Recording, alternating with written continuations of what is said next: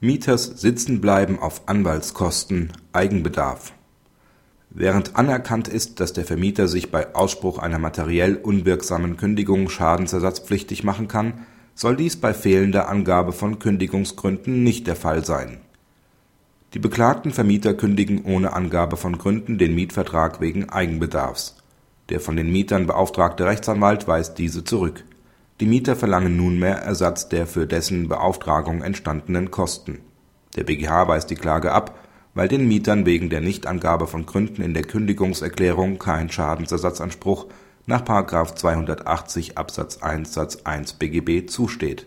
Denn den Vermieter trifft gegenüber dem Mieter keine vertragliche Nebenpflicht, bei Ausspruch einer ordnungsgemäßen Kündigung deren formale Voraussetzungen zu beachten.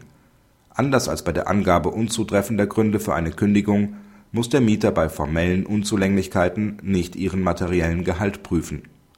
Die Angabe von Kündigungsgründen soll ihn in die Lage versetzen, diese zu prüfen.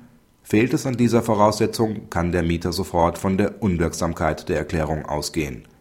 Ungeachtet der Begründetheit einer Kündigung liegt die Einhaltung der formellen Voraussetzungen daher im Interesse des Vermieters, weil bei fehlenden Angaben von Kündigungsgründen ohne weitere Sachprüfung oder Tatsachenaufklärung eine unwirksame Kündigung vorliegt. Durch Unterlassen der Angabe von Kündigungsgründen verletzt der Vermieter mithin keine den Mieter schützende Nebenpflicht. Ausblick Mit dieser Entscheidung bürdet der BgH dem Mieter das Risiko auf, zu beurteilen, ob eine Kündigung des Vermieters den formellen Anforderungen genügt.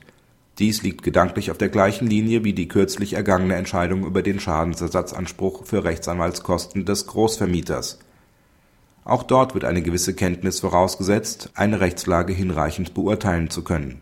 Ebenso muss der Mieter nunmehr beurteilen, welche Formanforderungen an eine Kündigung zu stellen sind. Die Unterstellung solcher Rechtskenntnisse erscheint, ebenso wie schon gegenüber Großvermietern, freilich fragwürdig